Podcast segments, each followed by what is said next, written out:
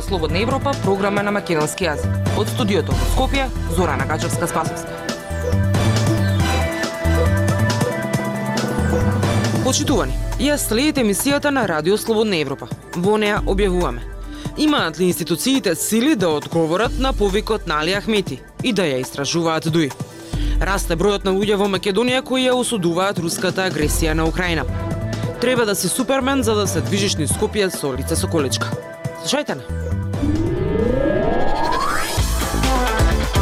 Независни вести и анализи за иднината на Македонија. На Радио Слободна Европа и слободнаевропа.мк. Фрлање на прав во очите на јавноста. Вака аналитичарите го пишуваат повикот на лидерот на ДУИ Али Ахмети за истрага за функционерите од неговата партија. Тие посочуваат дека неговото влијание врз правосудството е големо и затоа не очекуваат реакција од надлежните за една обсежна и голема истрага. Тема на Петар Клинчарски.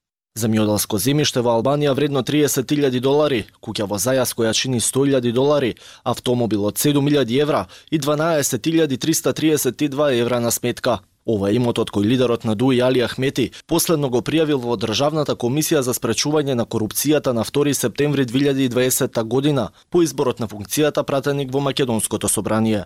Од поднесувањето на анкетниот лист до денес, Ахмети нема пријавено промени во имотната состојба, велат од ДКСК. Дури и овој имот на Али Ахмети би можел да се најде под лупа на истражните органи, доколку одлучат да се одзват на неговиот повик за истрага на 20 годишното функционирање во обштествено-политичкото делување на Дуи во Северна Македонија. Лидерот на партијата Али Ахмети прв се стави на листата, спремен токму од него да започне таквиот процес. Повикот на Ахмети за негова лична истрага, но и за функционерите на ДУИ, доаѓа по аферата за купопродажбата на деловниот центар Соравија, последниот од низата бизниси во кои се вклучени лица од блиското обкружување на Али Ахмети. Поранешната антикорупционерка Вања Михајлова во изјава за медиумите излезе со сомнежи за корупција и трговија со влијание на мокни личности од политиката поради начинот на продавањето и купувањето на Соравија, каде еден од новите кособственици е Дрин Ахмети, внук на Али Ахмети.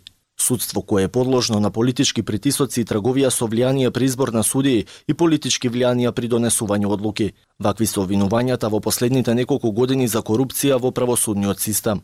Во последно време позачестени, но и пожестоки се критиките за состојбата во правосудството и од домашните критичари, но и од амбасадори, дипломати и меѓународни институции. Во текот на вчерашниот ден, таков прекор дојде и од Стеј департментот, порачувајќи дека лидерите во Северна Македонија мора да го ограничат политичкото мешање во судството. Во последните години, изборот на судии во Скопска апелација, сомнежите за изборот на Ислама Бази, новиот шеф на обвинителството за организиран криминал и корупција, јавните обвинувања за трговија со влијание во судскиот совет, се само дел од случаите во кои политичката партија ДУИ беше обвинувана за ставање на своја рака врз судството и обвинителството. За поранешниот обвинител и адвокат Александар Наков, токму влијанието на Али Ахмети како личност и председател на партија има огромно влијание врз именување и поставување на луѓе на позиции, но и подоцна во нивно спроведување на правото и правдата. Неговото влијание како личност политичка, како председател на партија има и текако огромно влијание врз именувањето, поставувањето на луѓето и нормално при нивното а, спроведување на правото, односно правда. Лично не сум убеден дека некој е спремен да почне таков процес, меѓутоа, тоа е првање прав во очи на народот, Лидерот на Дуи Али Ахмети е оската околу која ротираат аферите поврзани со бизнисите на неговото потесно, но и пошироко семејство. И додека лидерот на Дуи не пријавува промена во анкетниот лист, се зголемува имотот на неговиот син, но и од потесното семејно обкружување. Слободна Европа. Следете на на Facebook, Twitter и YouTube. Се зголемува процентот на испитаници во Северна Македонија кои осудуваат руската агресија врз Украина, покажува истражувањето на фундацијата Конрад Аденауер. Повеќе од половина од испитаниците мислат дека војната е неоправдана. За разлика од лани, сега испитаниците имаат појасни ставови за војната во Украина, се наведува во истражувањето. Прилог на Пелагија Стојанчова. Се зголемува бројот на луѓе во земјава кои сметаат дека руската воена агресија врз Украина е неоправдана. Исто така зголемени и бројот на оние кои ја оправдуваат, покажува истражувањето на фондацијата Конрад Аденауер на Словено меѓународни предизвици 2023. Сепак процентот на оние кои ја осудуваат е далеку повисок.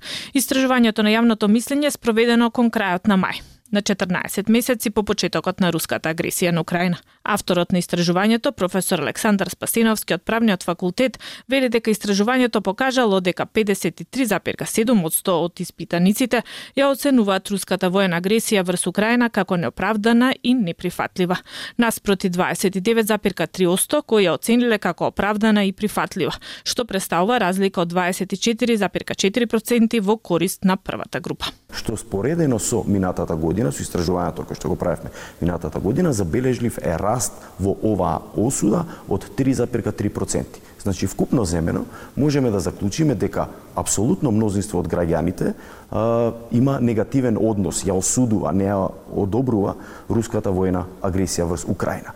Вели Спасиновски за Радио Слободна Европа. Споредено со минато годишното истражување, за 3% е зголемени бројот на испитаници кои ја оправдуваат руската агресија врз Украина. Зголемувањето и на првата и на втората група е на сметка на оние што лани одговориле дека не знаат или немаат одговор.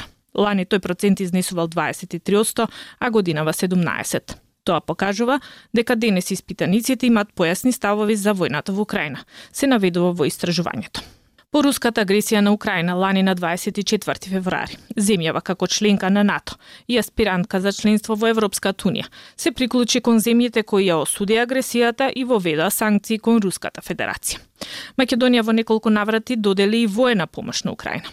Министерката за одбрана Славјанка Петровска вели дека голем дел од донираната опрема на Украина армијата веќе не ја употребувала оти не ги исполнувала стандардите. Факт е дека дадовме огромна количина на опрема и вооружување, да, меѓу кои се и авионите, хеликоптерите, танковите и друго вооружување армиско, пешадиско и така натаму, меѓутоа апсолутно тоа не значи дека сме ги намалиле капацитетите на македонската армија. Податоците од истражувањето на фондацијата Конрад Аденауер покажуваат и дека поддршката на членството на Северна Македонија во НАТО од 2021 наваму континуирано се зголемува и денес изнесува 65,7%. Континуираниот раст на поддршката на членството на државата во НАТО и осудата на руската воена агресија ги ставиме во еден а, регионален или европски контекст, ќе можеме да заклучиме дека македонските граѓани во ништо не се разликуваат од другите граѓани на останатите држави членки на Европската унија и НАТО.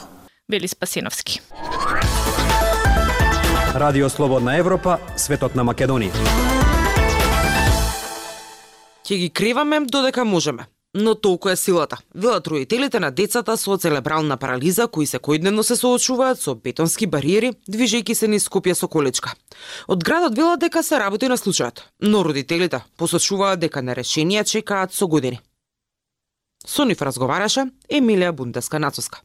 На патот кон училиште Дени ја користи пристапната рампа, а со учениците најчесто скалите. А како е внатре? Со учениците немам замерка, на вистина се многу добри другари, ми помагаат, се дружиме. Вели средношколката Дени Жерновска која живее со церебрална парализа. Но надвор ја чекаат бетонски бариери од сите страни. Дали 1% од тротоарите каде што се движиме се слеани во ниво со самата улица. Изјави Ирена Жерновска, мајка на Дени. Кај тази реконструирани улици е во ред, но во строгиот центар на градот речи си на секој чекор останува старата болка. Од град Скопје велат дека се работи на случајот. Градот направи детекција на сите точки каде е необходно слевање на рабници за подобрена пристапност. На сите улици и булевари, кои се под градска надлежност, при нивна реконструкција во изминатата година, истите се прилагодуваат, додека за оние кои не се предвидени за реконструкција,